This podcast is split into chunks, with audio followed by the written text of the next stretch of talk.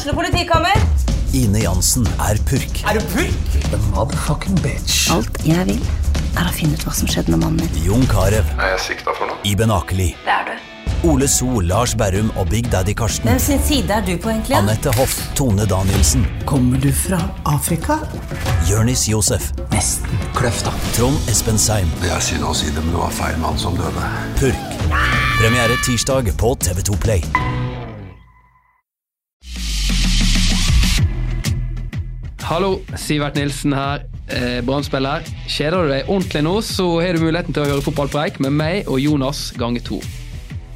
Jeg driter i det, jeg må bare snakke for det jeg føler. Det blir goal! Det blir goal!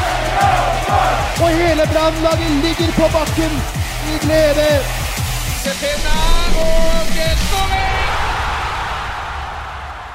Ja, det er en ny episode av eh, Fotballpreik, og til en forandring så har faktisk Brann tapt en uh, fotballkamp, og uh, da passer det vel uh, egentlig å få inn et ordentlig kokehode. Sivert Helte Nilsen, velkommen hit. Takk for det. Jonas Grønner er også med oss fra Ålesund. Eller er du det, Jonas? Jeg er på plass, og jeg, det er nytt for meg dette. Altså, nå har jeg vært brannekspert i halvannet år, og det er vel er det tredje eller fjerde, fjerde gangen Brann taper en fotballkamp. Noe sånt. I hvert fall en obligatorisk en. Så det, jeg vet ikke helt hva jeg skal si i dag. Nei, Det, altså- Jeg starter liksom litt i offside. Jeg syns jo, jo vi har tapt så masse kamper nå at uh, det er jo, jeg føler nesten at uh, man er blitt litt vant til det. Vi er jo taper og taper og taper på bortebane. Så jeg, ja, jeg er ganske lei det. Så det var utrolig kjedelig å tape. Det, det, var, det var kjekkere i fjor, ja. Ja, dere har tapt eh, det tre ganger på hvor mange kamper dere har spilt i? 18-19? Ja, ja, det var vel flere enn i hele fjor, sant? så det, det, er noe, det er noe nytt. Og det, det er ikke noe kjekt å bli vant til å tape, og det, det er noe vi må prøve å unngå å bli vant til. For det, det skal vi ikke. Ja, det skulle si, Har dere blitt for godt vant? Altså, at man, Nei, jeg tror ikke det, da, men det, det er jo ingen tvil om at det koster mer å vinne kamper i Eliteserien kontra Obos-ligaen. Jeg merker det ikke nødvendigvis så masse mer fysisk, men du merker at du må eh, stå og konsentrere deg gjennom hele kampen. I fjor så kunne vi slå av etter en 60 minutter og være veldig klar til eh, en kamp om tre dager igjen, sånn mentalt. Da. Og det er jo mentalt vi er blitt slitne. Hvis du kan ta oss på noe, så føler jeg at det, det er der vi, det er vi svikter litt, og det gjør vi egentlig nå mot uh, Viking òg. Det er ikke fordi vi springer lite, men vi er litt for seine i reaksjonen i hodet og litt for passiv. Så det, det var utrolig skuffende prestasjon òg, egentlig. Jeg synes vi, jeg føler, jeg har ikke, altså, Mot Odd og Sarpsborg delvis òg, så syns jeg vi er det beste laget. Sant? Så, men jeg følte egentlig ikke helt mot Viking, selv om vi har possession og de tingene der, så følte jeg kanskje de var litt skarpere enn oss. og det, det var ikke noen god følelse, så det må vi få ordna opp i så fort som mulig. ja, er det, jeg snakka litt med Sven Krone, han sa han var, han var litt inne på det samme. Det er kanskje et, et, et aspekt som vi si, i media ofte kanskje ikke tar så mye hensyn til. Men han, altså, han sa det at når dere fikk noe i landslagspausen, at han gleda seg med at det er noe med der og skal spille kamp, omstille, hver tredje dag. I så lang tid som det dere holder på med nå. Det er utmattende. Ja, ja, spesielt Sven, som har spilt utrolig masse. Han har vel nesten starta alle kampene og spilt veldig mange 90 minutter. Så uh, vi er noen andre som har hatt noen avbrekk. Men uh, ja, det, det, det, det er jo noe av det som vi har vært gode på. Men kanskje det koster litt mer i Eliteserien kontra Obos. da. Ja, så er det også noe med spillestil. Altså, det er jo intensivt. Altså, det er jo en måte å spille fotball på og dominere kamper på, sånn som dere har gjort. Da. For det er jo, altså, det er jo energigivende selvfølgelig en spillestil. Eh, men dere, altså, det, sånn som det set- setupen er nå, så er det litt sånn hvis ikke, um, hvis ikke det går, så er liksom, det er Bård Finne som er spiss. Det er ikke noe alternativ å sette inn Heggebø for eksempel, nå når han er skadet, og få endret et kampbilde litt. Sånn som jeg ser det, så er det sånn, Man har det valget at man må sitte over motstanderen. Man må dominere så totalt som man har gjort så lenge.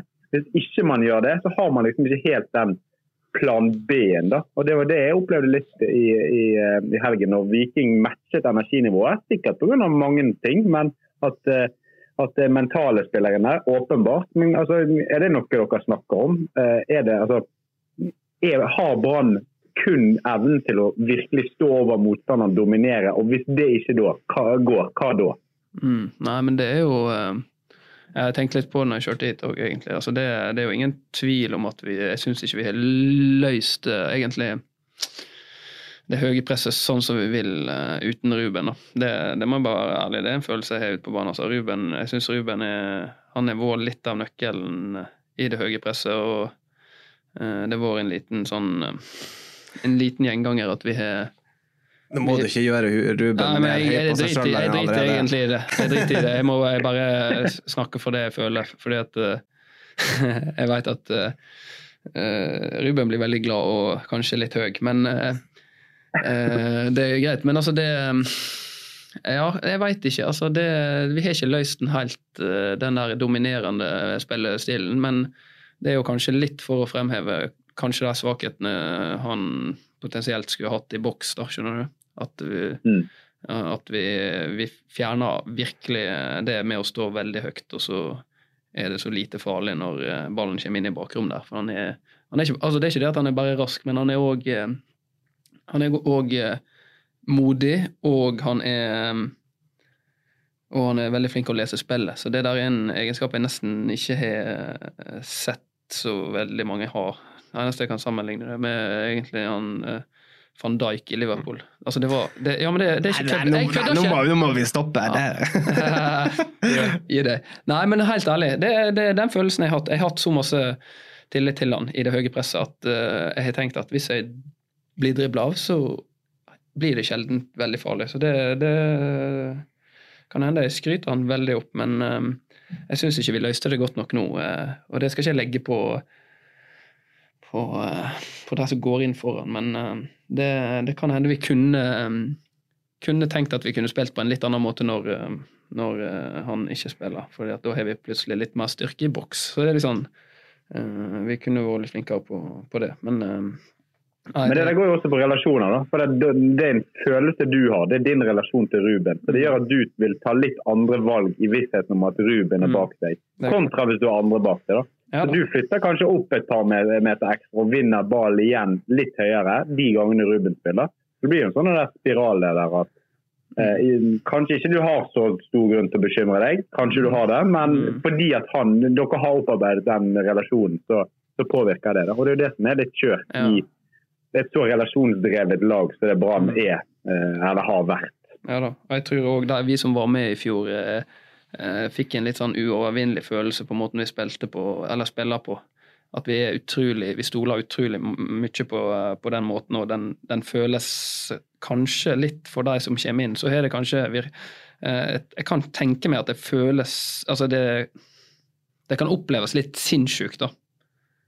Og ukritisk, uh, selv om det ikke er det, så kan jeg skjønne at det oppleves litt sånn wow eh, når de kommer inn i, i, måten å tenke på, og hvor offensive vi, vi virkelig er våre i presset vårt. Da. Så ja, det kan, det kan også men, men hvordan, var dette hvordan var dette i vinter? da? Altså, da dere har gått omtrent ubeseiret gjennom uh, Obos-ligaen. Mm. Eh, hvordan var følelsen i gruppen? Var, altså, dere skulle bare fortsette. og var, Følte dere sikre på at denne elitesesongen så ble det medaljekamp? Vi kommer til å være i toppen. altså Cupen blir lett. Eh, var, det, var, det, en sånn følelse i gruppen òg, eller var det en usikkerhet når du kommer fra Obos-ligaen og ikke har vært på eliteserienivå på en sesong? Ja, jeg følte ikke det var noe usikkerhet. Jeg følte jeg følte egentlig en sånn der uh, Liten sånn der uh, Du er litt spent, men du er veldig du, altså Jeg merker at jeg, jeg, gleder meg til å teste ut det her mot uh, Bodø-Glimt og Molde. Det var ikke sånn, jeg, jeg, jeg, kjente ikke på noe frykt, men det var sånn ok, jeg, jeg gleder meg til å se om det her kan fungere mot de beste.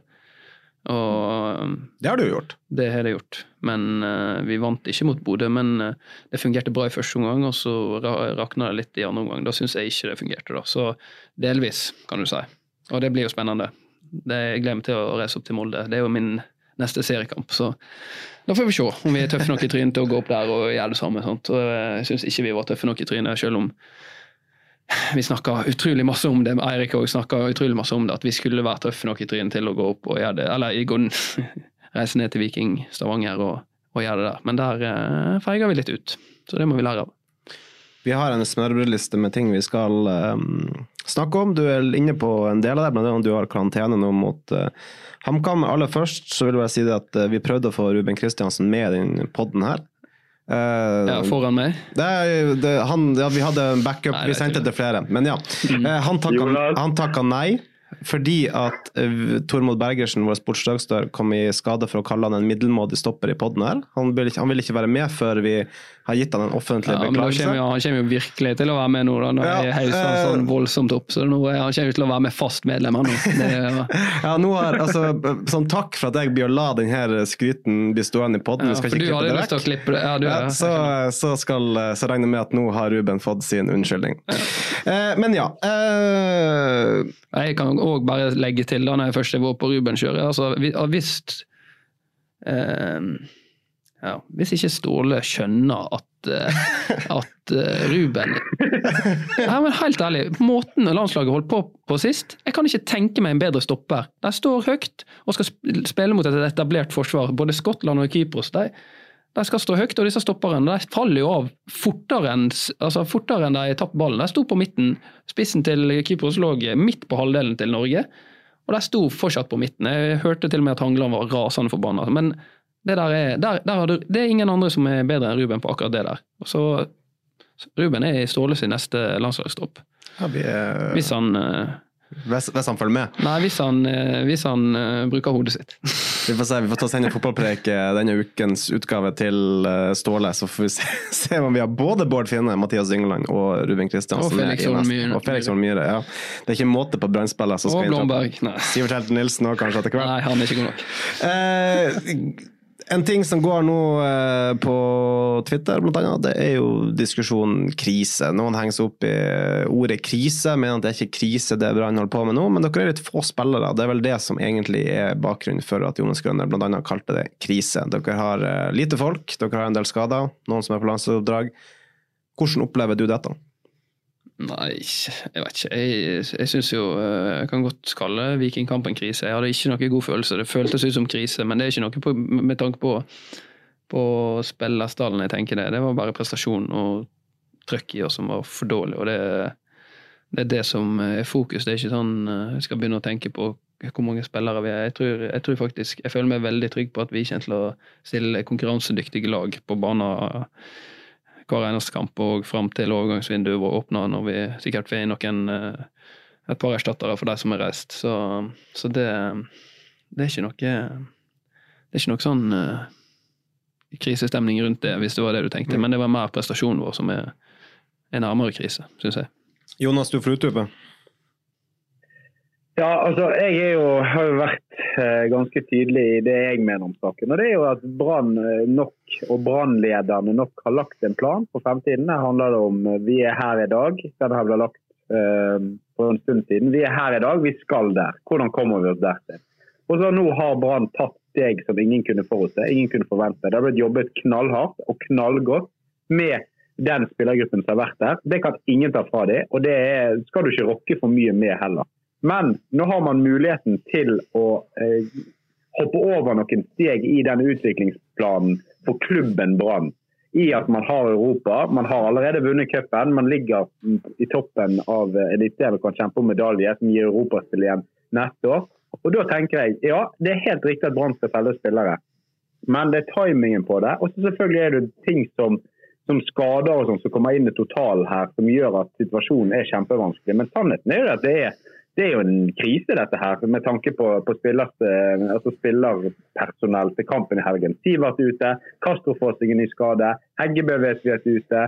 Nå holdt de riktignok igjen Kniklas og, og Vassberg, nei, og um, fra, fra reise, så det blir liksom antallet ser noenlunde OK ut. Men likevel, det er noe med at den gruppen som har prestert sammen over tid, det laget, det har vært lite utskiftninger. Nå er det i ferd med å bli ganske mange på kort tid.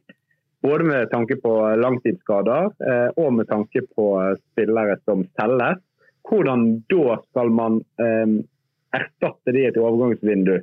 Og Det syns jeg Hornland svarer fint på. Jeg tror han er spent sjøl også. For det er ikke sånn at du bare kan selge tre-fire-fem stykker og så bare hente inn tre-fire-fem stykker nye og forvente at du skal, eh, selv om du bruker x antall millioner, forvente at dette skal fortsette å vokse. Det handler om å treffe på typene, og, og alt det skal gjøres på en overgangssommer der man er i medaljekamp, man er i Eh, Europa. Eh, og da er liksom her har man en alle tiders mulighet til å klatre eh, forbi et par hinder på veien. Og Og Da er jeg spent på hva planen blir, eh, og gleder meg veldig til overgangsrunden.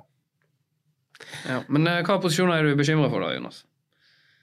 Jeg er bekymret for backplass. Eh, Jeg er bekymret for Hva slags eh, backplass da? Eh. Venstreback. Eh, Vi har jo fem venstrebacker. Fem venstrebacker, ok. Da må du gjerne hjelpe meg. Da er ikke jeg eh, godt nok. Nei, vi er jo Børsting Ruben har du allerede sagt. Han er stopper. Han er landslagsstopper. Ja, jeg helt, ja, ja, det, han er, men han kan òg spille venstreback. Så er det, Ja, men så er det Børsting som var venstreback i Aalborg når han kom. Rett før han kom, spilte han venstreback på topp tre-lag. Og så har du Ja. Isak som var landslagsback, og Torsvik han ser jo helt, han ser ut som eh, Hvis Wolfe var 30 millioner, så er Torsvik 50 millioner. Nei da. Det, men det, det- Torsvik er god, altså. Det må jeg bare si. Han er imponert meg stort. Så, så jeg er ikke så bekymra. Tore spilte jo venstreback nå. Det Ja, det jeg er ikke, jeg, er ikke jeg, jeg, føler meg veldig trygg på at vi kommer til å, å sette konkurransedyktige lag på banen uansett nå. Selv om vi mister Mathias og Wolfe, så, så er jo det her er jo Klubben visste jo det at eh, vi kom til å måtte spille noen kamper uten, uten deg. Så det, det her er jo kalkulert. Det håper jeg i hvert fall. Så, så, men altså det, ja, men det er, jeg ser jo det. Og så på midten òg, hvis vi må flytte ned en på back eh, fra midten, så har vi jo Niklas som har masse eliteserieerfaring, og Isak det er gjort sett, han er, det er et tidsspørsmål før han flyr, altså. Det, det må jeg bare si. Han er vår utrolig god. Så Det er han som erstatter deg nå på lørdag? eh, Til helga? det veit ikke jeg. Det vet ikke men uh, ikke utenkelig sikkert. Han er, han er, jeg syns han er utrolig spennende og en, en, en, en herlig karakter. Som, som er, han er en skikkelig type. Så, så um, jeg syns um, om han får sjansen, så uh, har han fortjent det. I lag med flere andre også som kan Tore kan sikkert spille på midten, og Ulrik Mathisen har spilt på midten tidligere, sant? og Børsting er indreløper. Så vi er liksom, det er jo det som er litt styrken vår. Altså det er jo, Jonas, du har jo helt klart noen poeng i at vi er i tynne på, en- på en måte, men styrken vår er jo at vi har veldig mange spillere som kan spille i mange forskjellige posisjoner. Og det er jo redda oss veldig mange ganger, egentlig. Men jeg har òg merka at eh, jeg har vært i noen tropper der det er veldig mange spillere, og jeg, er helt sikker på at, eh, at vi er elitetropp. Det er en styrke for oss. For alle som er i den troppa, er virkelig med og bidrar, og alle føler at de er en del av laget og kan når som helst starte en kamp. Det, det, det, det å ha bare to stykk som ikke føler at de konkurrerer om å starte, det, det tror jeg gjør såpass masse med ei gruppe at eh, det, allerede da blir det negativt. negativt. Vi kan, altså, vi kan Ja, det, det der er jo et kjempepoeng. Hvis jeg bare skal, for, for det der er jo tilbake til sånn som, altså Når vi spilte sammen sist i Brann, så var jo så var vi 22 stykker som var, som der alle egentlig forventet å starte. Og i hvert fall alle forventet å være i tropp, Mm. mens det ble etablerte spillere ble satt ut av troppen. Og Da er jo det åpenbart at det blir energilekkasjer og folk som meg selv inkludert. Altså altså jeg var jo kjempemisfornøyd med tingenes tilstand, for jeg spilte jo ikke. Og da er det Hvordan er jeg hver dag når jeg går på jobb, da? Mm. Så akkurat det der er jo en, en ting som skal definitivt veies med i totalen. Men det er liksom noen vurderinger og timingen på det. Når går man inn og trykker til og prøver å ta det neste steget? For det er jo ikke sånn at man bare kan fortsette å produsere nye spillere fra eget akademi eh, til evig tid og fremdeles være i toppen. Det er jo helt, helt umulig. Man må ha påfyll på et eller annet tidspunkt. Og så håper jeg bare at disse vurderingene gjøres godt nok. Og så er det, altså Branns spillet deres bygger i stor grad på relasjoner og et kollektiv som virkelig har vært bra.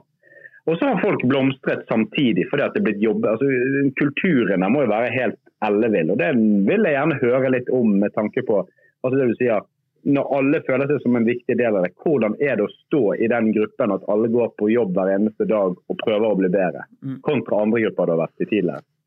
Ja, nei, det, det er en ganske stor forskjell fra, fra Brann med Nå er vi vel 17 i A-lagstropper, da. Kontra når jeg kom til Belgia i Beveren, så var det 35. Mm. Og 12 stykk fikk ikke lov å trene med førstelaget engang. Jeg trente på ei bane ved siden av.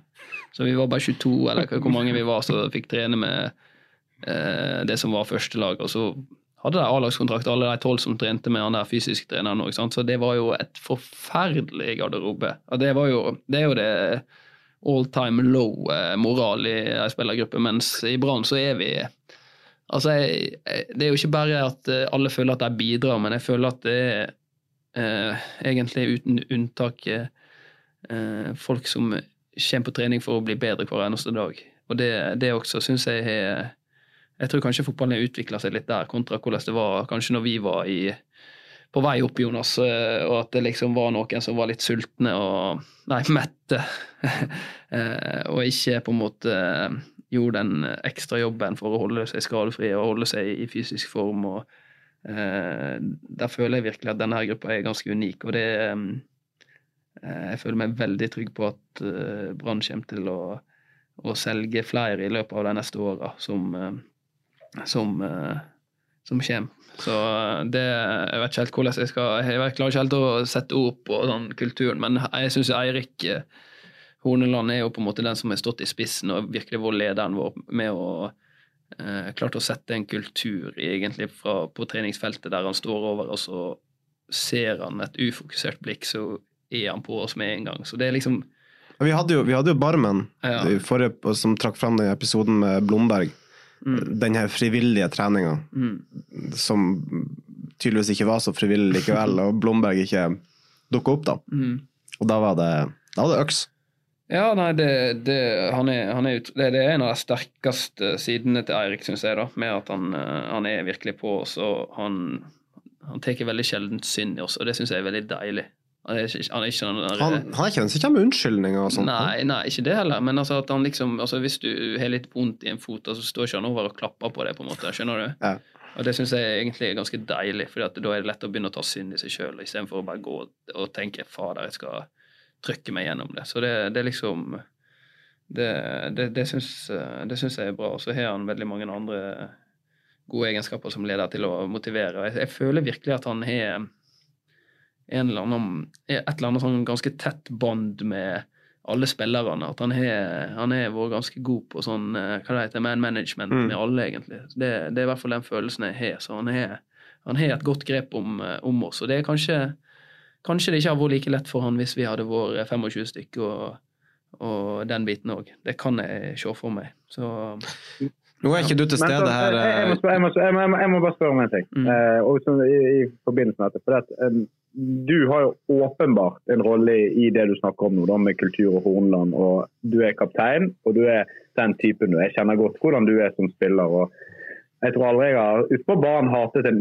lagkamerat på samme måte som jeg har gjort deg, med deg. Når du, står, altså når du er helt altså så gale som bare du kan være. Ja, nei, det... Men samtidig så var jeg, altså jeg var jo også en som likte å være verbal, og likte å utforske hvordan min egen eh, påvirkningskraft kunne påvirke et lag. Da. Og det må du gjerne fortelle oss litt om. Altså, hvordan, hvor mye av det er bevisst hvor mye av det er, har du utviklet siden du begynte uh, som bitte liten og konkurranseinstinktet tok over? Altså, mm. Du har jo opplevd, du har vært i forskjellige grupper forskjellige kulturer. Hvor, hvor, bevisst er du på det? Hvor mye er det bare naturlig rullegardin som går ned og du ønsker å vinne? Det er egentlig veldig lite som er bevisst, uh, føler jeg. Det, jeg. jeg. klarer ikke å styre noe som helst, og jeg tror det der er bare uh, Jeg veit ikke om det er instinkt, eller om det er bare uh, lyst til å vinne. Jeg tror det er lyst til å vinne og lyst til å få til at laget fungerer best mulig. Og så er det, kan det noen ganger gå helt feil. Sant? Jeg hadde jo mista jo fullstendig hodet når jeg fikk gult kort nå, uh, nå mot Viking og må stå over eh, kampen mot HamKam. For det er, jo, det er, jo, det verste jeg vet, å stå over kamper. Så da eh, fikk jo Palle høre, høre, det greit. Eh. Ja, for det var Palle som Han mista jo ballen, men altså, det er jo unødvendig. Når jeg ser igjen, så ser jeg jo at jeg skulle jo ikke tatt det gule kortet, så jeg måtte jo beklage til Palle. og Jeg skjelte jo han ut fordi at eh, han mista ballen, men det var jo, vi hadde jo full kontroll på den kontringa, så jeg hadde ikke trengt å gristakle han der Tangen. Men, men, det er lite som er bevisst, hvis jeg skal være helt ærlig, og min jobb som kaptein er ikke, den er ikke så stor, for det, det er Hornland som er lederen vår. Det, det, det, det er det virkelig. Og hans ord er veldig Jeg føler at det er, er litt lov, da. Er, det er ingen i vår gruppe som setter noe som helst spørsmålstegn med det som blir sagt for treneren, og det, det, syns jeg er en veldig fin styrke. Vi, vi er virkelig sånn eh, lojale mot, mot, det som blir sagt, og det, det er sånn en, en, utrolig eh, et, Altså det er veldig sånn styrke for gruppa vår. Og så ja, skulle jeg ønske at det var mer eh, bevisste handlinger for meg. Men eh, jeg føler kanskje, eh, hvis jeg, hvis jeg skulle hatt en jobb som leder, så er det kanskje å forsterke de ordene som Eirik kommer med. da. Med at jeg liksom er med og backer opp det. Og det er jo selvfølgelig viktig. Så det håper jeg at jeg bidrar med på en eller annen måte. Du, du nevnte det med at um, altså det kommer til å bli solgt flere, flere spillere. Du er jo en vinnerskalle. Uh, nå er dere der. Dere... du si at du, kommer, du kan jo bli solgt, du òg. ja, den, den, den, kommer vi til, den òg. Men uh, du er jo en vinnerskalle, du har vel ambisjoner. Dere er der dere er på tabellen, dere er regjerende cupmester, dere skal ut i Europa. Med, altså, du har en viss forventning til hva slags spillere man skal erstatte disse som forsvinner ut med. Ja, altså det er jo, jeg og Ruben har jo snakka litt om det. da. At liksom vi, vi begynner å bli litt eldre, og våre ambisjoner er jo ikke lenger å liksom komme oss til ut og Ruben har sikkert det.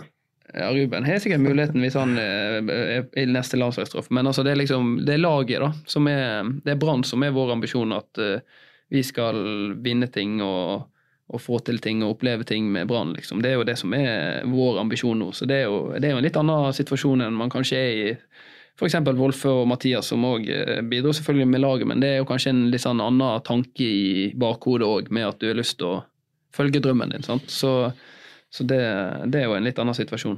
Nå husker jeg ikke helt hva du spurte om, men uh... Nei, men tenk altså, Hva, slags spillere forventer du at Brann har sagt nå? Har, det kom faktisk en sak nå ut på BA mens vi satt og mm. prata her, om at Kristian uh, Kalvenes sier at det skal prøve, vi skal prøve inn til tre spillere til sommeren. Ja.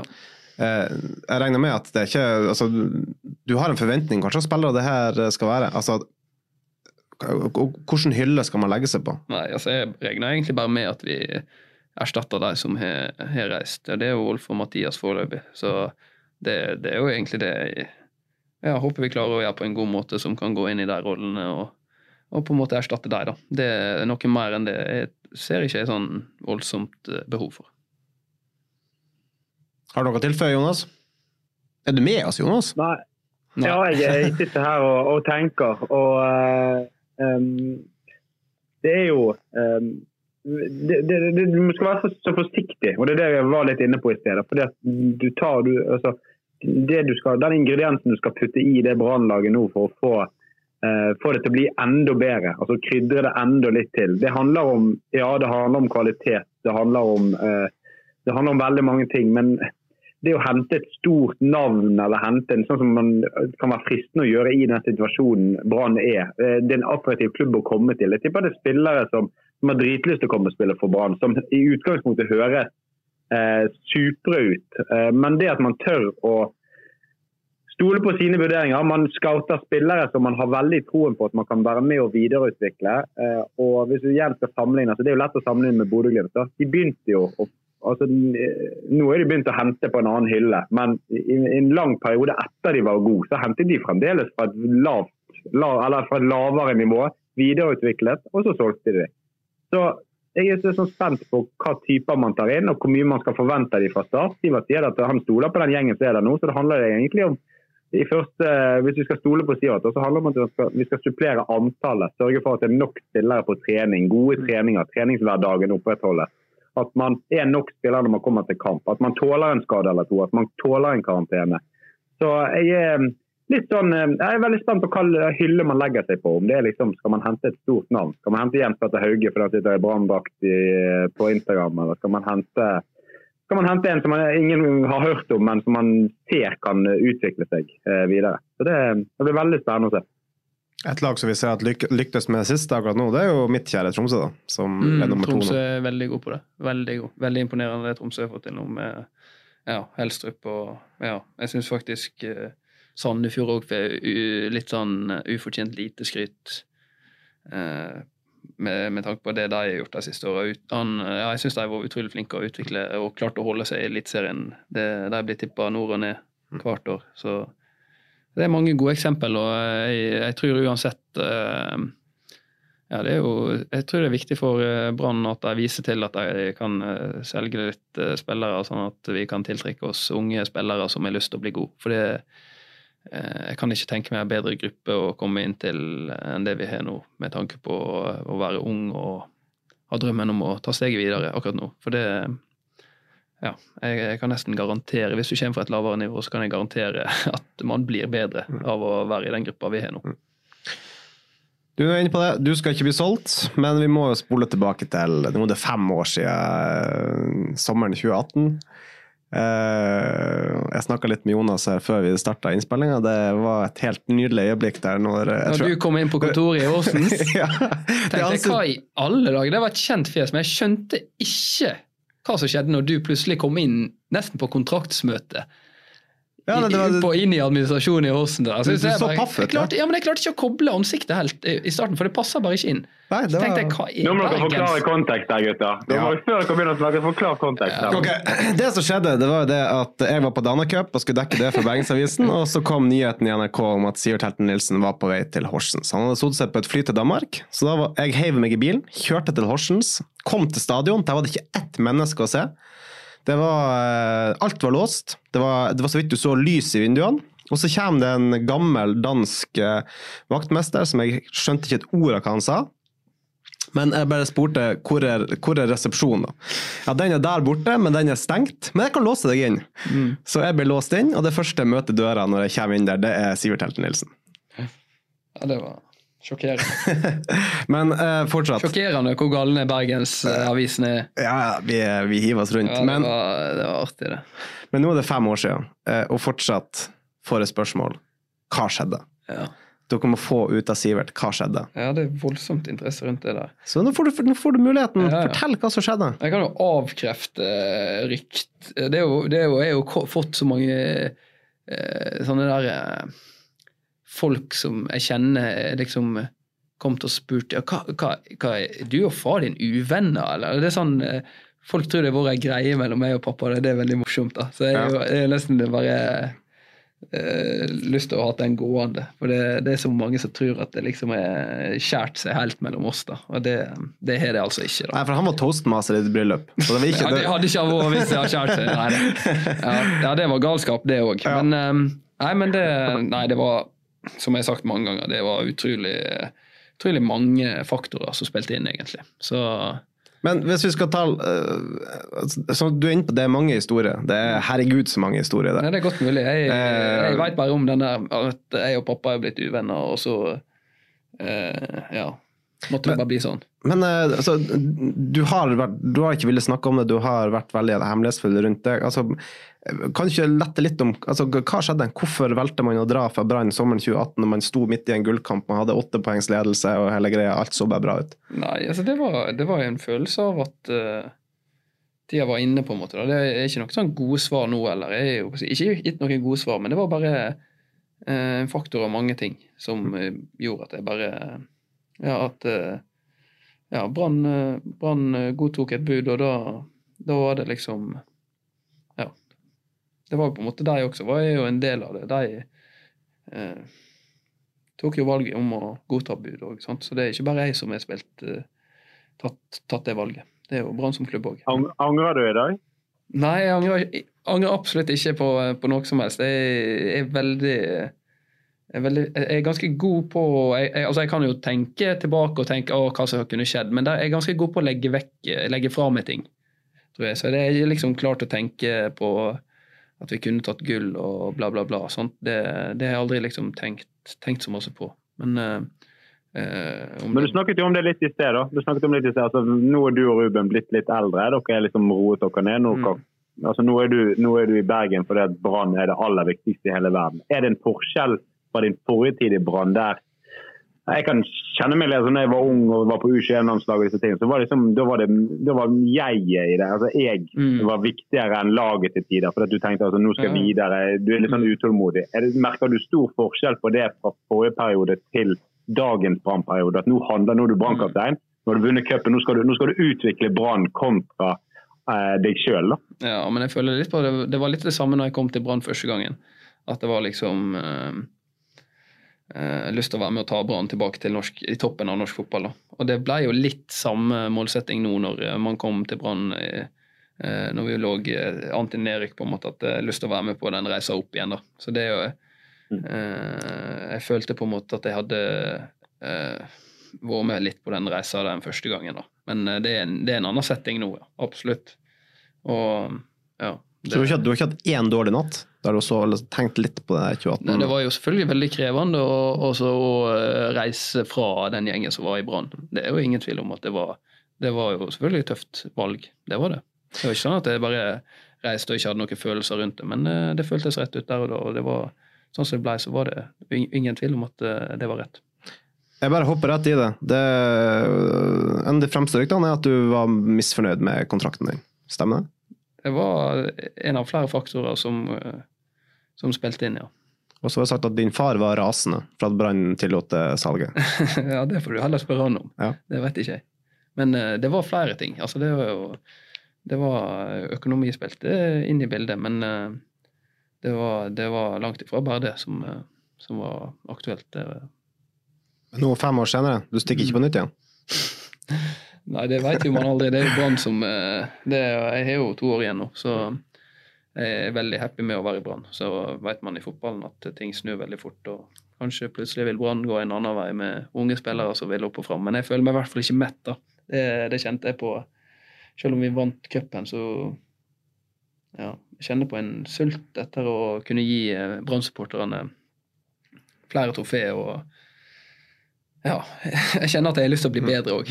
Det, det, det, er sånn, det er det som trigger meg. Da, at jeg kjenner at jeg har blitt bedre de siste åra og hatt utvikling. Og det, det er ganske sånn givende i seg sjøl. Og kred til trenerteamet som har klart det, mm. og kred til spillergruppa, egentlig. Jeg føler jo føler jo egentlig ja, Det er ikke sikkert vi er så mange fantastisk gode spillere, men vi har klart å spille hverandre gode. da. Mm. Gang på gang. og Jo mer vi har spilt i lag, jo bedre er vi blitt som enkeltspillere. og Vi er blitt hausa opp til landslagsspillere, skjønner du? Mm.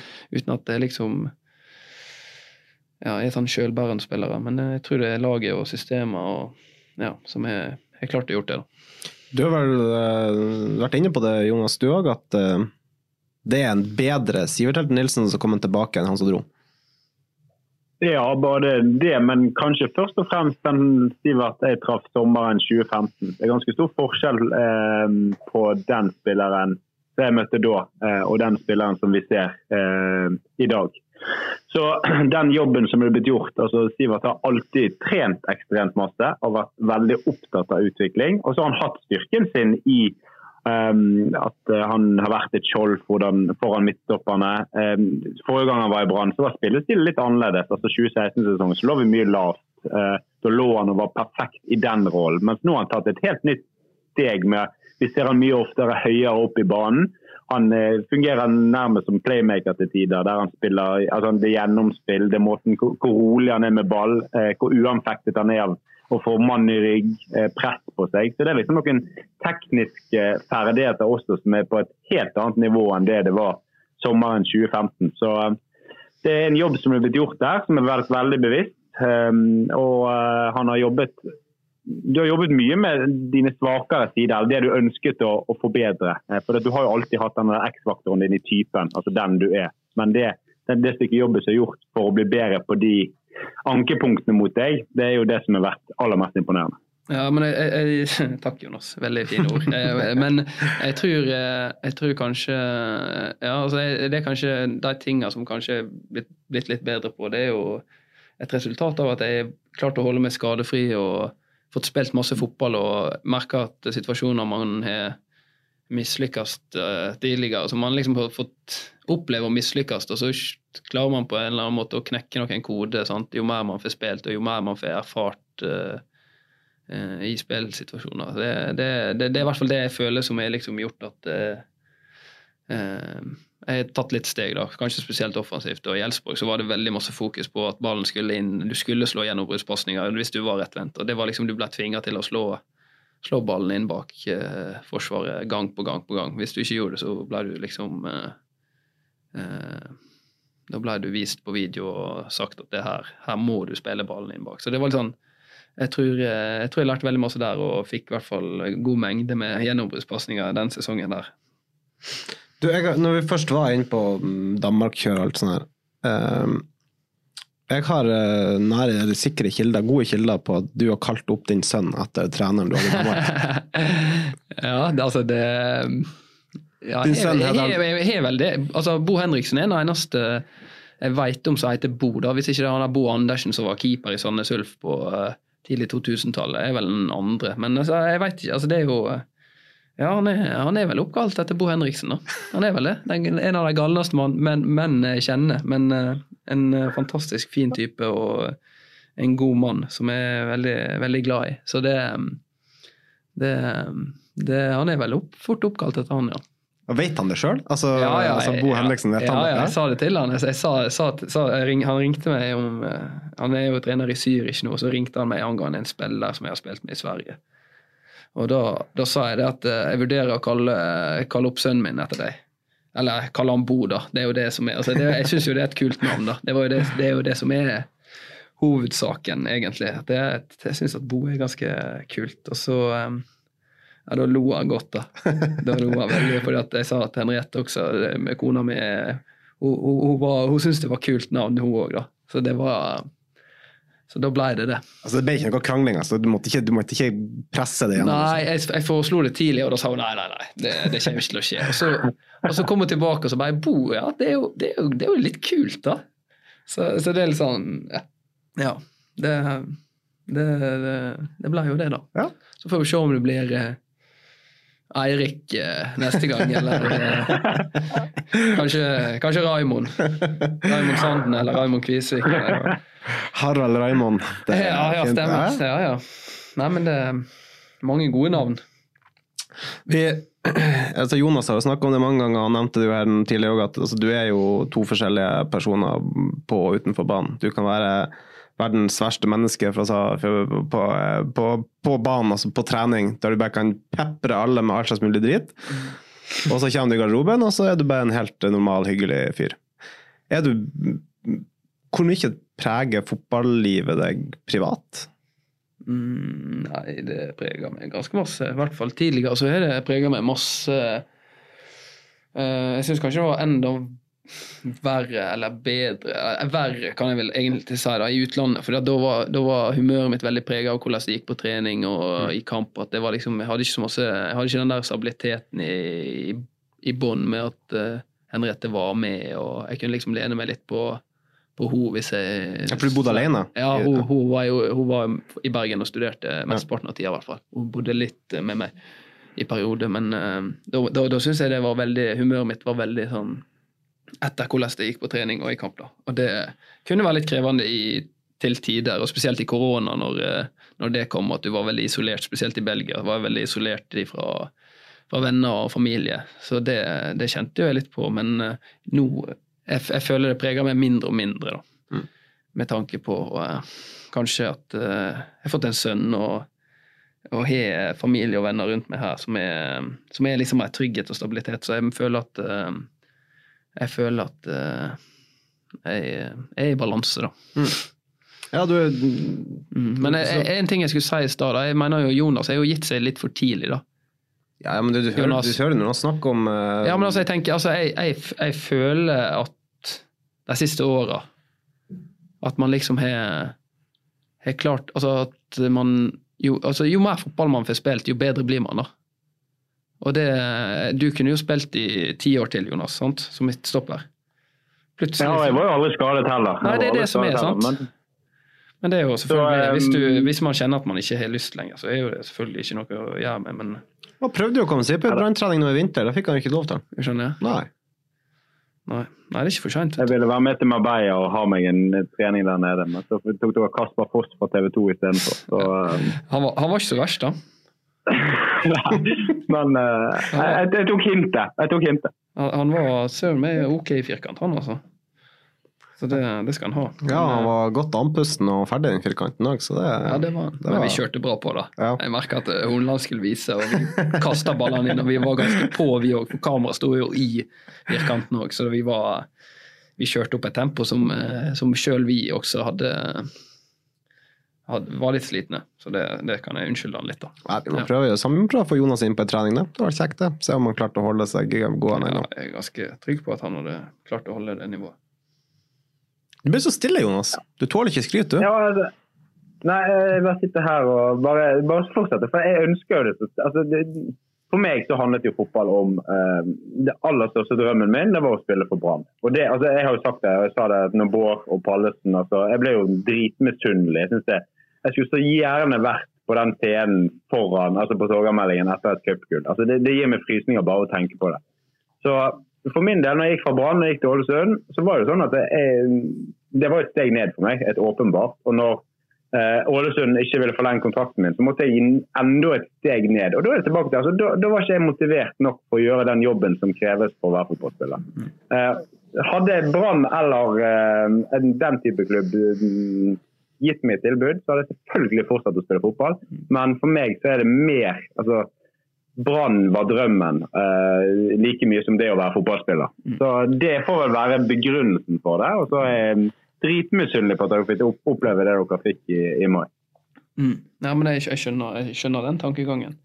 Men jeg merker med meg sjøl at jeg har en litt annen Altså Jeg merker at hvis jeg ikke skulle få på et tidspunkt fortsette i Brann, så, så vet jeg at jeg kunne hatt uh, samme gleder som jeg har med fotballen i Eliteserien. Det kunne jeg hatt på på tredjedivisjonsnivå. Jeg er hjemme og trener med Volda uh, i, eh, i, feriene.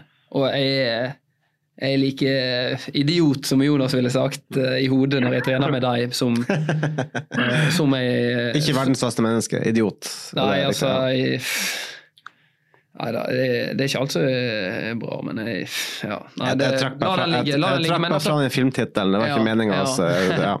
Nei, men altså, jeg merker jo det at Og, og, og jeg er på en måte samme spilleren. Selv om jeg er i tredjedivisjon, så gjør jeg akkurat samme jobben som jeg gjør i, i Brann. skjønner du? Mm. At jeg, ikke, jeg, går ikke og dribler folk og dominerer fantastisk i tredjedivisjon, men det er ikke sånn Jonan Riise som skal nei, komme til Norge og spille offensiv midtbane etter å spille back nei, nei, nei, men altså det, det er det jeg merker. at Jeg går liksom, altså jeg kan tenke meg at de som er, fra, er på den Volda-treninga, tenker jeg, er han der eliteserien? Ja, han slår jo bare enkle pasninger, eller litt sånn noen fine pasninger opp i mellomrom og sånn. Og, ja, skjønner du? Så det er liksom, ja, det er ikke sånn eh, wow, skulle tro at han bare dribler alle og banker han i krysset, men det, det, det gjør ikke jeg selv om jeg liksom Så jeg tror jeg Ja.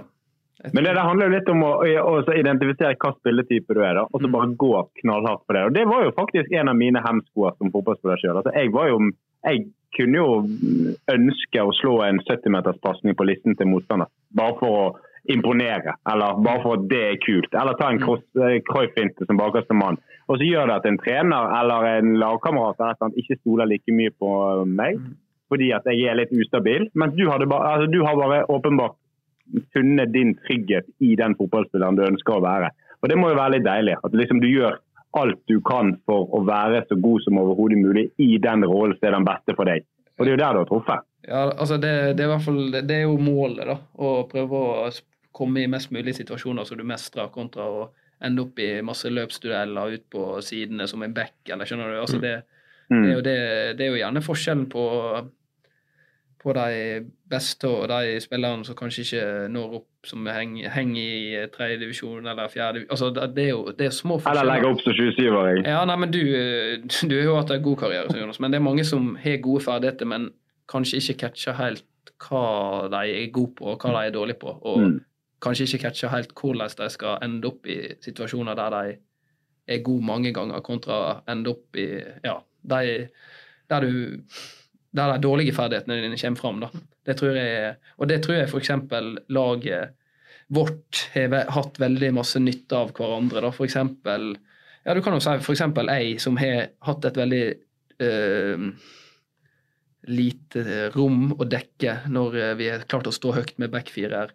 At det ikke har vært så store avstander å dekke, at jeg må ut og presse i eh, hva du skal, 40, 40 meter rundt til neste motstander, og jeg skal én mot én mot en god midtbanespiller, istedenfor at jeg har fem meter til neste mål. Altså det, det er sånne ting. da, og Ruben, for eksempel, som kommer, har sånn styrke, kommer fram når vi står høyt, kontra når vi ligger inne i boks. og Kanskje Dyngeland også har hatt eh, eh, eh, god effekt av det, som er utrolig god å svipe bak, eh, bak Forsvaret. Med, med, han er rask, og han er god å lese baller som kommer inn bak, og kanskje han ikke er like god i feltarbeid som uh, Ja, så det er liksom det. Jeg, jeg føler det er en, det, den måten vi har spilt på, har fått fram veldig mange styrker i laget vårt, og det, det, det er òg en ting å ta med, da. Altså, det er snakker dere om det? Snakker, er det noe dere snakker om med dere spillere imellom, eller er det noe Hornland gir beskjed om? Ja, ja. Altså, Det er jo ingen tvil om at Hornland er, hjerna på en måte bak det. da.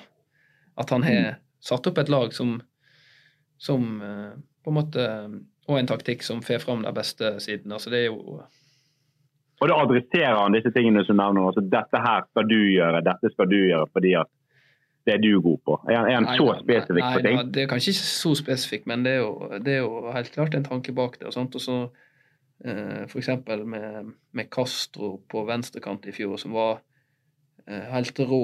Altså Når du hadde Wolfe som kom rundt, og Felix og Kasper og Niklas som kom i disse rommene De spilte jo indreløper, de tre der. Altså, altså Det er ikke mange som er bedre enn Castro på å stå og slå de rette pasningene med så mange bevegelser som kom på en gang.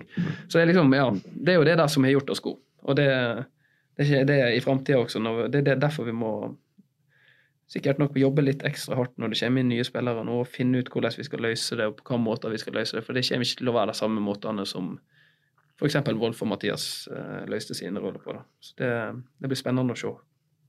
Du eh, sa jo etter kampen mot Viking òg at det vil bli en liten omstillingsperiode nå. Altså det med For det er nye spilletyper som skal inn og erstatte dem som har dratt ut.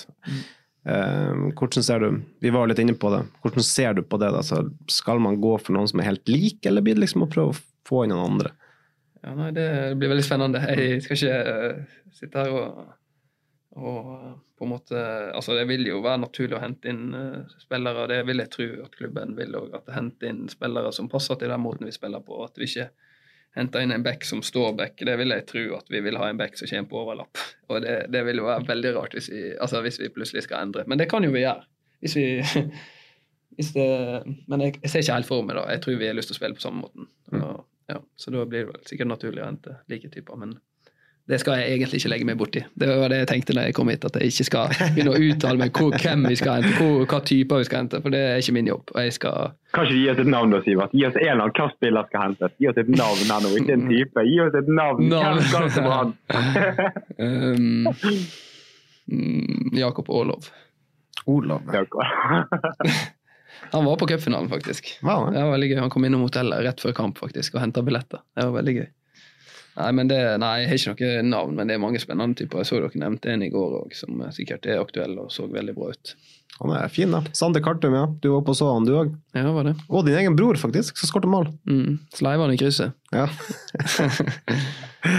Fra, dere bor i lag, dere? Ja, han er, han er barnevakt og au pair og hele pakka på en gang. Han er, nei da, det er ikke han, men han, nei, det er veldig kjekt, faktisk. Nå, nå, eh, nå bor både Ola og søstera til Oline i lag med oss. Eh, Så nå er vi faktisk fem i, fem i huset. Så det, ja, det er utrolig kjekt, faktisk, å ha familie så nær. Skulle, ikke, skulle tro at det kanskje ble, ble kaos, men det de hjelper oss veldig masse. og Vi har jo noe, eh, lille Bo og ja.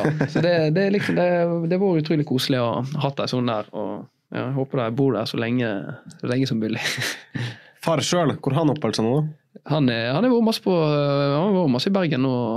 For jeg har jo veldig lyst til å følge både meg og Ola i, i Brann og Åsane. Så han han har vært en del ute på hytta på Sotra og i naustet og driver og eh, jobber med båt og ja, Han har jo litt forskjellige prosjekt ute på Sotra som han holder på med. Så, så det, det var kjekt. det. Så var jo han toastmaster i bryllupet. Det var jo et helsikes leven.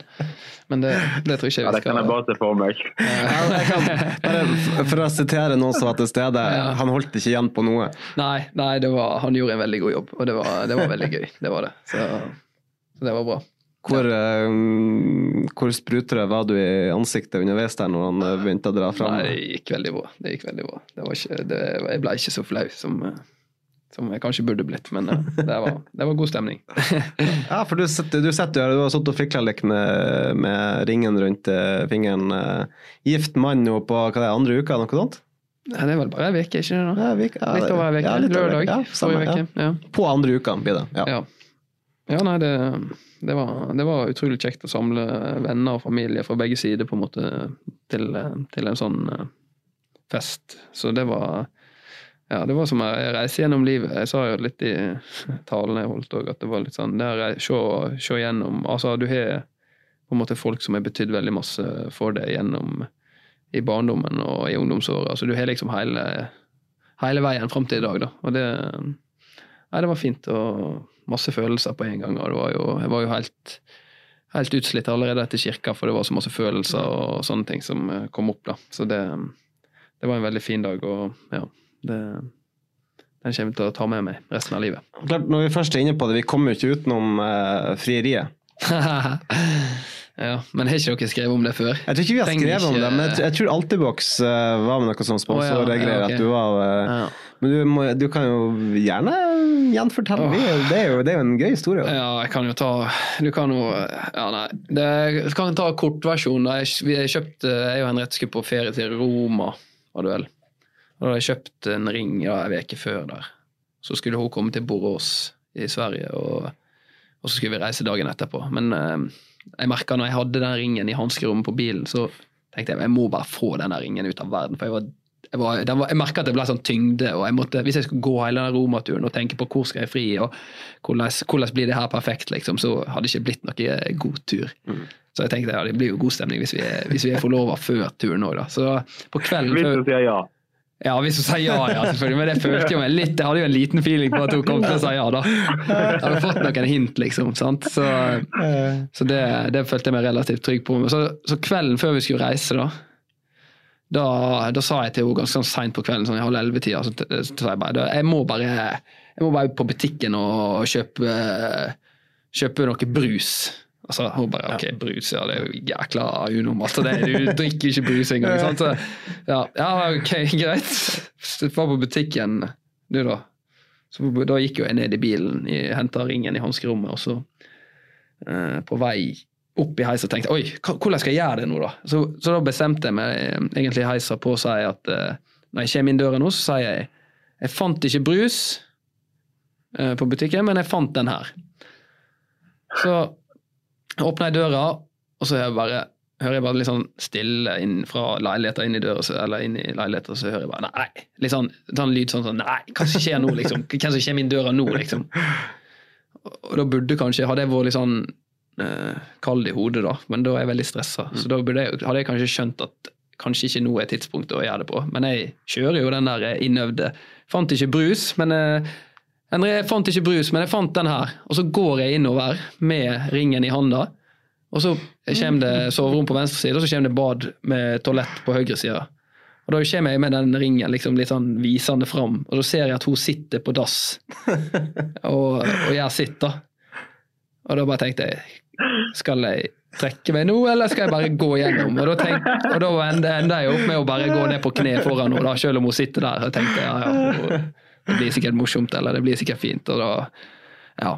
Det ble jo bare latterkrampe, og så ja, og så veldig, ja, god stemning. Så det, Ja, det var ikke kortversjonen helt, da, men det var jo historia. Jeg har, jeg, jeg har sett det, jeg bare sendt et sånt bilde.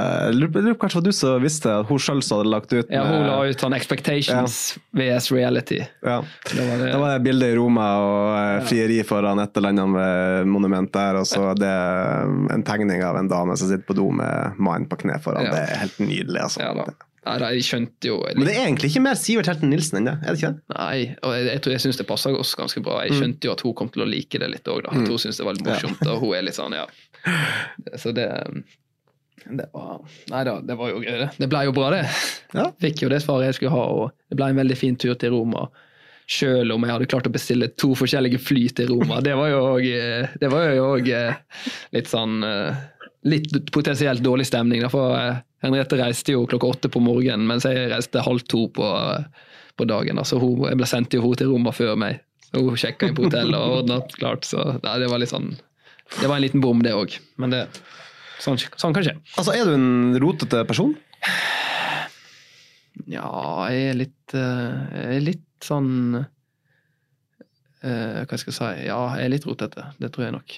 Så, Altså, jeg fikk et innspill. mm, Jeg spør Sivert hvordan boden hans ser ut. ja, hvem som sier det, da? Nei, Det er ikke så farlig, men den, eh, den ser jo ikke ut, da. Men jeg synes jo vi, jeg er jo opptatt av å prøve å ha minst mulig ting. Ja. Og um, det er jo, jeg føler det litt sånn bevisst òg, at jeg, jeg har ikke lyst til å ha for masse ting å ha kontroll på og, og rydde rundt og bruke masse tid på det. Jeg har ikke lyst til å bruke tida mi på sånne ting, skjønner du? Mm. Så det, det er litt sånn bevisst. Og samme når jeg tar på meg klær om morgenen. så er det, det, er, det er faktisk et bevisst valg at jeg tar på meg det første jeg tar tak i i klesskapet. Jeg ser ikke på klesplagget når jeg tar handa inn. Mm. For jeg har ikke lyst til å bruke hjernen min og energien min på det. Så det, ofte kan det bli veldig rart. Mm. Og det var jo noe jeg fikk kjørt meg på veldig i bryllupet. da. Ja. At det var, Så det, det Det kan av og til bli litt rart, men eh, ja, jeg, litt, eh, jeg kan være litt eh, Men ikke ha mange ting. Jeg, det jeg hørte, at det står ganske mange ting i den boden. Ja, men det er ikke min feil. Nei, ok. Mer sa jeg ikke. det, ja. Uh, hva slags forhold har du til Suzuki FZ? ja. Den uh, Den kjøpte jeg uh, når vi spilte i lag, Jonas. Gjorde ikke jeg det? Den mopeden. Jo, det gjorde du vel. Ja. Jo da. Jo da. Det, det var Du, jo en liten sånn eh, gammel eh, moped som jeg kjøpte ut på Askøy av en fyr, så Det ser ut som noe som er kjøpt på Askøy. Ja. Ja, det var, Mm. det var det. Så den var jo veldig grei. Jeg bodde jo 300 meter fra stadion eh, da jeg spilte i Brann sist, og da var det veldig greit å bare sparke den i gang. Men det, var jo, det er jo ikke ideelt å ha en sånn i Bergen når det regner hele tida. Ja, etter hvert. Jeg er ikke så god å holde ved like eh, sånne gamle ting heller, for det er jo en ganske gammel moped. Så eh, det ble jo litt sånn Til slutt så solgte jeg den, da. Men det er jo en sånn Solan Gundersen fra Flåklypa-moped. skikkelig sånn den, Det endte jo opp med faktisk at Henriette brukte å kjøre den til skolen òg. Det var jo veldig morsomt at hun Det var litt sånn artig, da. At hun Ja. Nei, det, det, bare Du brukte å kjøre den til trening, men det var ikke alltid du fant den når du skulle kjøre hjem. Nei, det kan stemme. Av og til så ja, Jeg husker det var en gang jeg tok den inn i garderoben òg, så vi drev og kjørte rundt på den inn i garderoben. My, mye greier. Men det, var, det er mange ideer. Det er mange ideer. Jeg har veldig mange ideer, så det blir sånn, ja.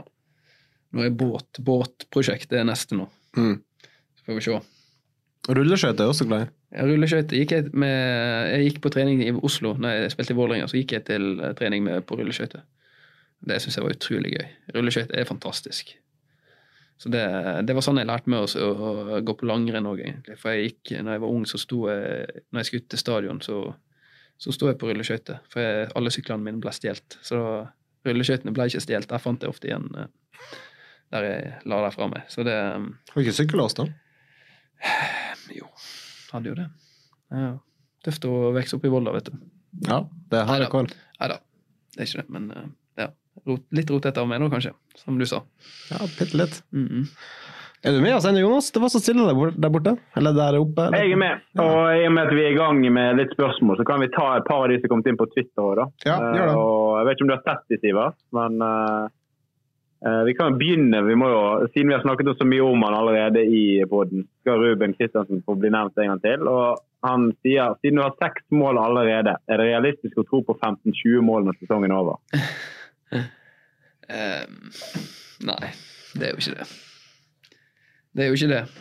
Så det Men det er jo noe med, altså du, du begynte jo i fjor, da. Det, du Ja. har vel aldri hatt så mye målpoeng som du har hatt de to siste årene. da, så det er jo greit nok til straffer og sånt, Ja. men uh, i fjor var jo det en del. altså det, det, det er jo sammenheng med eh, spillestil og at du kommer deg høyere i banen òg. Ja da, det, det er absolutt det. Altså, det er i hvert fall sånn assist. sånn. Jeg har ikke hatt noe assist i år, da, men uh, hadde jeg hatt en skikkelig skuddfot òg, så kunne jeg jo vært potensielt, med måten vi spiller på, hatt eh, enda flere mål. For det, det er jo Ja, hvis jeg skal være målfarlig, så må jeg i hvert fall Det er jo som regel på dødball, da. Men eh, assist så er jo det helt avhengig av at vi presser høyt og vinner ballen høyt. og er det fe, Ja.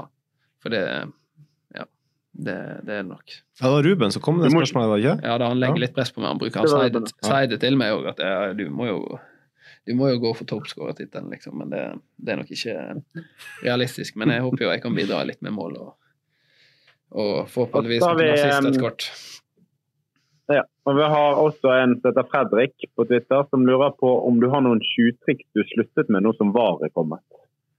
Ja Ja, hva er det, da? Det er noen ting jeg tenker Hvordan, på som- hvordan er det å spille med VAR? Jeg har aldri spilt med VAR. så altså, Jeg gjorde jo masse greier som man ikke tenkte på. Ja, eh, fordi at man ble ja. betatt for det.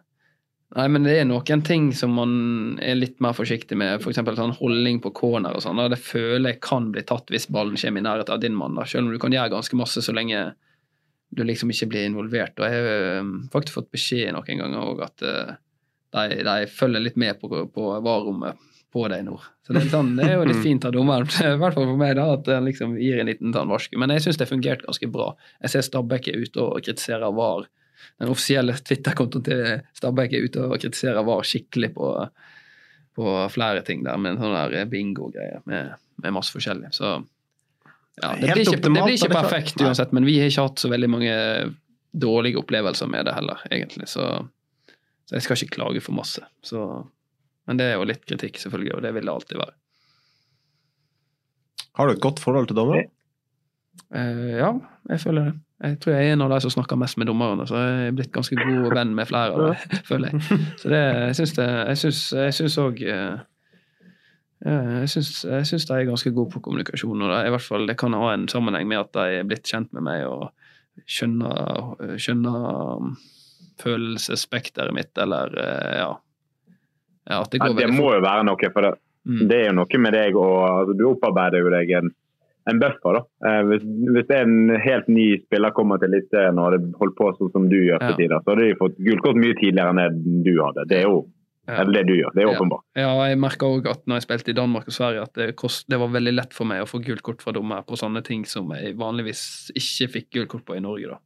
Det var litt med Rosenborg-kampen òg. Det var noen som mente at du skulle hatt uh, gult kort uh, ja. mye tidligere enn du fikk. Ja, det kunne jeg nok fått, kanskje. Den kampen, ja. Så endte jeg opp med å få et gult kort på noe som ikke var ja. et frispark engang. Så ja, det er litt sånn både òg, da. Jeg, jo, jeg, kan noen ganger få uh, billige gule kort fordi at uh, Oi, ja, nå ja, jeg har følt litt på det òg, men uh, ja, generelt sett så skal jeg nok det går vel opp i opp. være fornøyd, ja. Det, går opp tror jeg det kan hjelpe litt med at du er kaptein, at du får litt en relasjon. Og de har lyst til å ha en god relasjon til, til kapteinene òg. Så egentlig en sjakk genistrek ved det av uh, Horneland i deg kapteinspillet? Det kan være uh, litt uh, lurt, faktisk. Altså at uh, man Ja, uh, de har lyst til å lede kampen på en best mulig måte som gir underholdning til publikum og sånne ting. Sånt. Så det, da har de lyst til å liksom holde tonen god med kapteinene. Det, ja. Så det er bra. Er du med på laget, Jonas? Ja, altså har Vi har jo vært innom veldig mye av de tingene som spørsmålet går på. Så Det spørres ja. selvfølgelig om Danmark. Eh, vi kan jo nevne Raymond eh, Nette, legenden, eh, lokalfotballegenden, som lurer på hvordan det var å komme ut av kirken i bryllupet ditt og bli møtt med sang. ja, Det var jo veldig kjekt, da. Det var en gjeng som hadde stilt opp og hadde laga en egen sang til, til oss. Det var, noe, det var jo litt inspirert av den der um, Sivert Heltene. Ja, hvordan gikk han, da? Den gikk uh, Henriette Sivert, er det bare meg? Eller koker hele Jeg veit ikke om det er fortsatt i samme sporet, men det var i hvert fall Henriette Sivert. Det var i hvert fall sånn den gikk. Det var veldig gøy. Det, det satte vi pris på. Syns du sjøl du har den feteste supportersangen? Eh, jeg veit ikke om eh, jeg har, jo fått en del andre sanger òg, med både altså sånn Fyra ned og litt sånne ting. Ja. Altså det, er jo, det, er jo, veldig gøy. da. Og Jeg syns den er veldig fengende, den Sivert-heltene, men den er jo eh, jeg føler jo Den kom jo egentlig når jeg reiste. Ja, Sangen sånn, kom jo når jeg reiste. det var jo egentlig et hån mot deg ja, da du dro jo, at det var gullstrid der. Og når Bergen kokte, sant. Så det er jo litt sånn ja, men jeg syns den, den, er veldig bra og fengende, syns jeg. Det, det, det, er nok en av de bedre sangene. Så uh, synes jeg Men Lasse Andersen, Lasse Andersen har lurer på, når det koker på stadion etter en saftig takling og hele Fryden bør rope 'Sivert fyrer ned', ja. hvor heftig føler man seg da? Ja, Da må man bare håpe at det ikke er gullkort fra før av. For da, da, kan det komme noe. Men, men jeg må bare den, Det hadde en jækla fin sang på, på ferga tilbake fra Stavanger, disse supporterne vi var på, eh, på ferga med. Åh, oh, hva var det? Det var Will Griggs on Fire. Ruben er skalla. Bruker alltid sykkelhjelm, og Ruben er skalla. Bruker alltid sykkelhjelm, og så var det noe videre. Åh, den var så fin.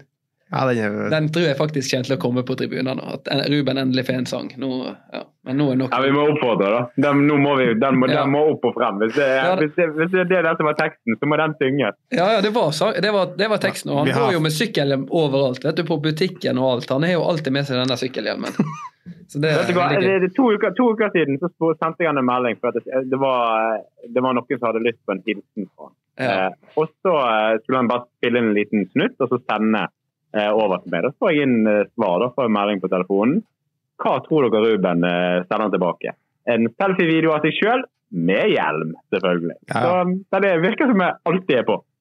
Ja, den er alltid på. Han har vært i intervju med oss med sykkelhjelm. Han kom Ja, etter kamp. Ja, han kom, Ja, ja, ja. han kom med kamp. Ja, fint. Ja, det er jo en utrolig altså, En gang kom det i gummistøvler. Gummistøvler og sykkelhjelm. Det er en øh, det er type det. Det er skrue, rett og slett. Mm. Har du mer, Jonas? Nei, Jeg tror egentlig vi skal gi oss eh, på spørsmålsrunden. der. Altså, Mathias McCody Lund eh, han lurer jo på hvordan Sivert, eh, eller hva han tenker om krisen i Brann med et blunkefjes. Eh, Vi har jo vært i diskusjon Ja, den har vi tatt. Den har vi- Det vi, er- vi har tatt greit. Så, eh, eh, vi har vel vært innom det som spørsmål. Eh, jeg kan ta et siste. da. Knall i padden lurer på hvem er generelt mest Sivert, og hvem var mest Sivert i går? Sivert eller Slatko? Hvis du skjønte det spørsmålet. Må jeg gjenta det? Mm, ja, altså, hvem var mest Sivert i går? Ja, av Diego Slatko Tripic. Altså, det blir det på lørdag. da. Hvem Ja. er, hvem er det generelt, og hvem var det mest på lørdag? Nei, den, det klarer jeg ikke helt å svare på. Ja, det kokte bra for uh, Slatko Tripic. Det, Kok, kokte det for han? den, det var noe feiring der når han satt inn Å, ja. treen. Nei, det fikk ikke jeg med meg. Nei, det var, vi overså det. Vi Ok, nei, det- det fikk ikke jeg med meg. Glemte, jeg har ikke, jeg ikke feira så masse foran supportere til andre lag. Ja. Men eh, selv om jeg har hatt lyst, og jeg ikke skåret så mange mål heller, så det er kanskje derfor. En ting som vi ikke har nevnt så, så veldig mye Vi pleier jo ikke å snakke så masse om det, men du er jo stor Du var iallfall stor Newcastle-fan.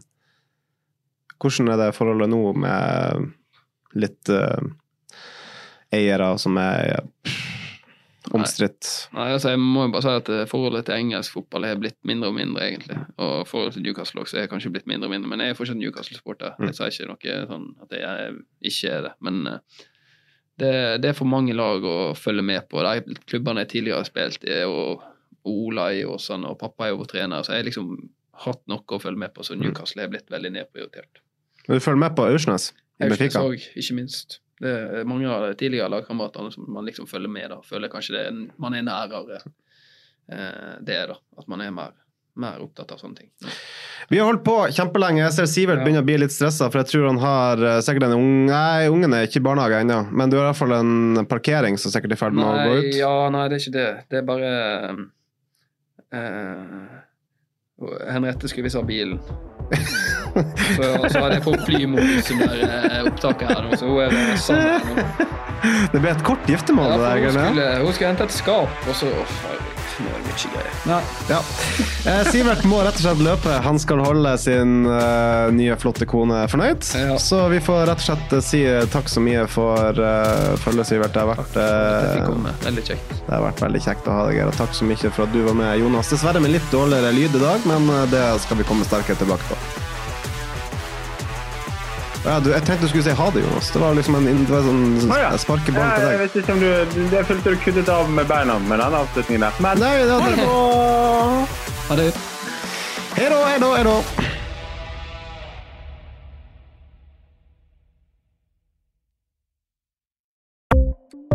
Ukens annonsør er HelloFresh. HelloFresh er verdens ledende matkasseleverandør og kan være redningen i en travel hverdag. Mange av oss har nok vandret i butikken både sultne og uten en plan for middagen, som ender med at vi går for de samme kjedelige rettene gang på gang. Middag burde være dagens høydepunkt. Som HelloFresh kan du nå velge mellom 25 ulike retter hver eneste uke, eller få HelloFresh til å sette sammen menyen for deg. Dette gir deg muligheten til å prøve nye og spennende retter alene eller sammen med familien. Du velger antall porsjoner og får alt levert på døren på et tidspunkt som passer for deg. Oppskriftene er enkle, og maten er lett å lage både for store og for små. Ved å få alt levert hjem får du også mer tid til å dele matgleden med familie og venner. Kanskje det frister med asiatiske tacos eller greskinspirert kylling? Da kan jeg anbefale deg om å gå inn på hellofresh.no. Her kan du bruke koden FOTBALL og få opptil 1779 kroner i rabatt på de første fem matkastene hvis du ikke har prøvd HelloFresh tidligere. Du kan også bruke rabatten hvis du har vært kunde og stoppet abonnementet ditt for tolv måneder siden eller lengre. Gå inn på hellofresh.no og bruk koden FOTBALL. Har du et enkeltpersonforetak eller en liten bedrift? Da er du sikkert lei av å høre meg snakke om hvor enkelt det er med kvitteringer og bilag i fiken, så vi eh, gir oss her, vi. Fordi vi liker enkelt. Fiken superenkelt regnskap.